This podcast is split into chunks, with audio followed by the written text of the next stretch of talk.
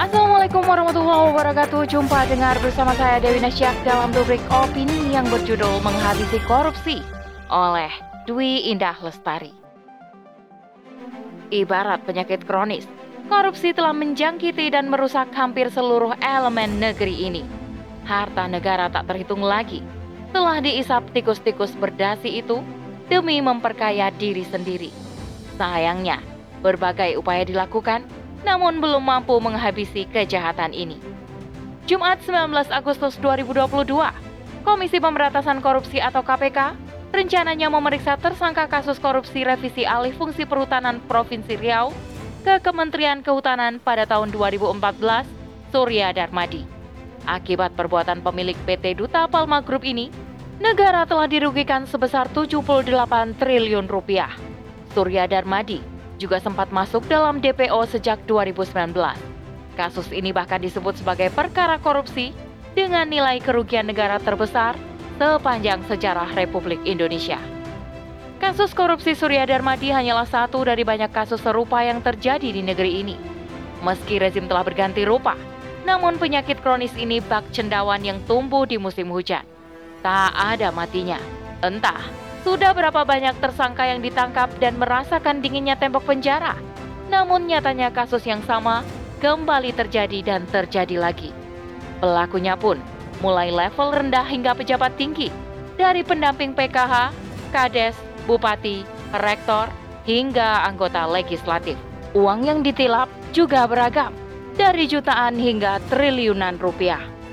Berdasarkan data box katadata.co.id, Sepanjang tahun 2018 hingga 2021, kasus korupsi yang terjadi di Indonesia mengalami kenaikan yang cukup signifikan, yaitu 1.050 kasus dengan jumlah terdakwa lebih dari 1.150 orang menjadi 1.282 perkara dengan jumlah total terdakwa 1.404 orang. Bahkan pada tahun-tahun pandemi, kasus pencurian uang negara ini terus meningkat jumlahnya. Itu pun diduga kasus yang berhasil terungkap saja, ibarat puncak gunung es yang terlihat hanya sebagian kecilnya saja. Bisa jadi, kasus-kasus seperti ini masih banyak lagi yang belum terbongkar dan ini menjadi bukti bahwa korupsi telah begitu kronis merajalela di negeri ini. Untuk menyelesaikan sebuah persoalan, maka yang perlu dipahami terlebih dahulu adalah apa akar masalahnya. Sehingga, solusi yang diambil mampu menuntaskannya secara menyeluruh termasuk kasus korupsi yang cukup tinggi jumlahnya ini.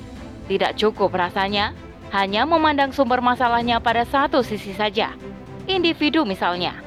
Sebab nyatanya yang menjadi koruptor merata di seluruh bagian masyarakat.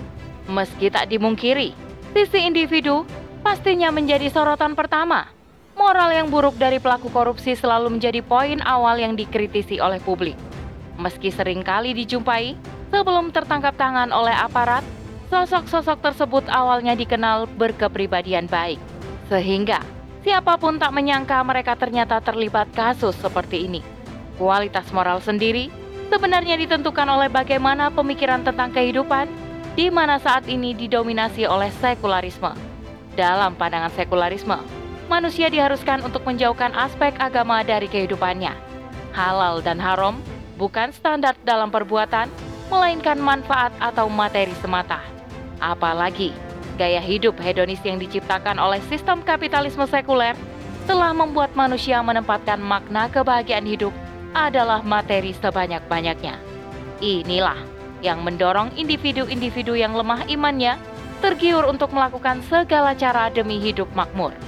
Di sisi lain, mereka pun melihat kesempatan terbuka melalui posisi atau jabatan yang sedang dipegangnya suap menyuap bukan hal yang tabu lagi. Makan uang bantuan sosial juga tak ragu dilakukan.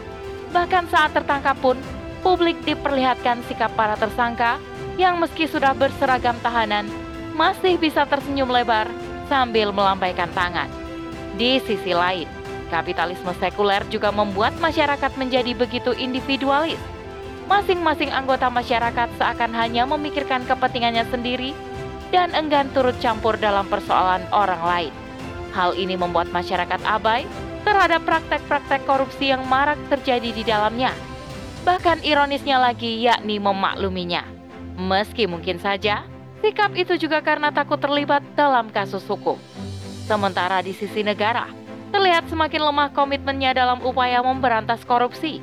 Walaupun telah dibentuk komisi khusus dalam penanggulangan korupsi, namun kini kewenangannya semakin dipreteli dan mudah dikendalikan oleh rezim. Belum lagi, penetapan undang-undang penuntasan korupsi yang terus mengalami revisi hingga cenderung memperingankan hukuman yang diberikan kepada koruptor. Bahkan, kini efek jerah bagi koruptor semakin dilemahkan melalui RKUHP yang hingga kini masih terus menuai polemik. Alih-alih semakin memperberat hukuman, dalam beberapa pasalnya justru terjadi pengurangan baik berupa pidana badan maupun denda.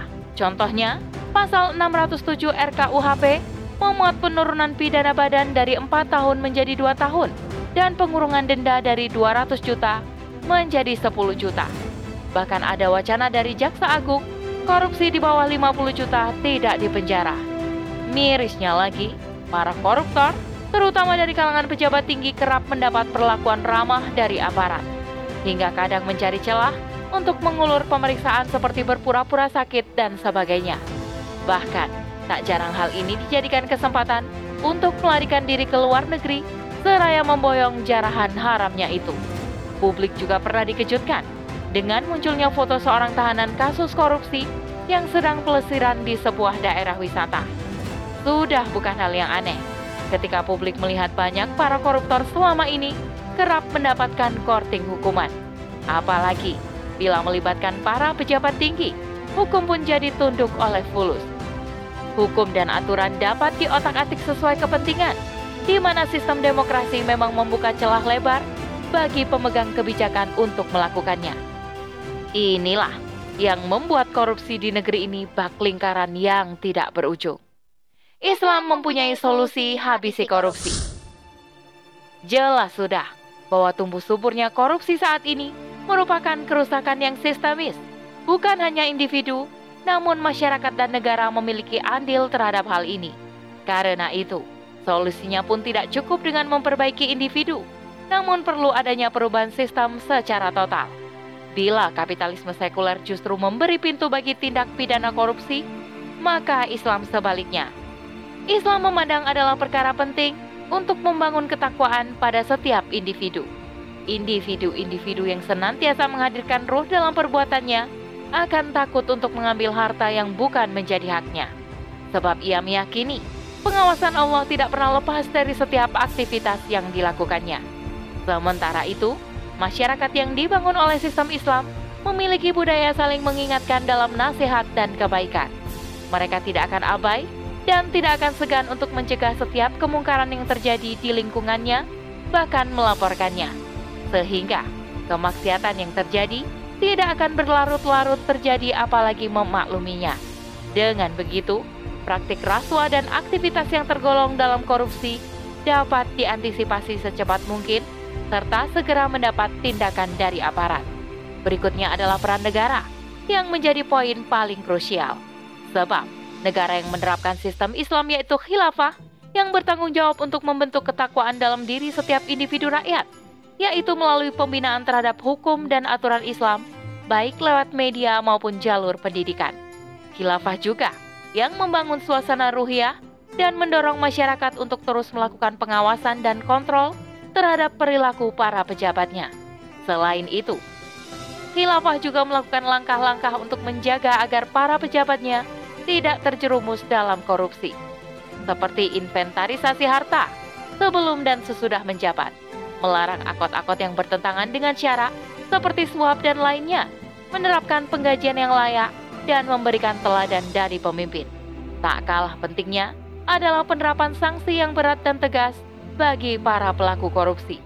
Hukuman yang setimpal ini dilakukan untuk memberikan efek jerah bagi para koruptor, sekaligus mencegah orang lain untuk melakukan kejahatan serupa.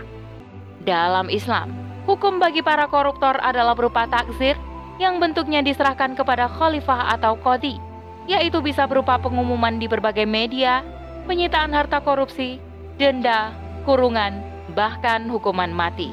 Dengan begitu, tertutuplah setiap celah yang memungkinkan seseorang melakukan tindakan korupsi. Begitulah cara Islam dalam menuntaskan korupsi. Setiap individu mendapatkan perlakuan yang sama di hadapan hukum Islam, sebagaimana Rasulullah SAW telah dengan tegas mengingatkan dan mencontohkannya. Inilah keadilan sesungguhnya yang akan tegak di dalam sistem Islam yang kafah. Wahai manusia, sesungguhnya yang membinasakan orang-orang sebelum kalian adalah jika ada orang yang mulia yakni memiliki kedudukan di antara mereka yang mencuri, maka mereka biarkan atau tidak dihukum. Namun jika yang mencuri adalah orang yang lemah atau rakyat biasa, maka mereka menegakkan hukum atas orang tersebut.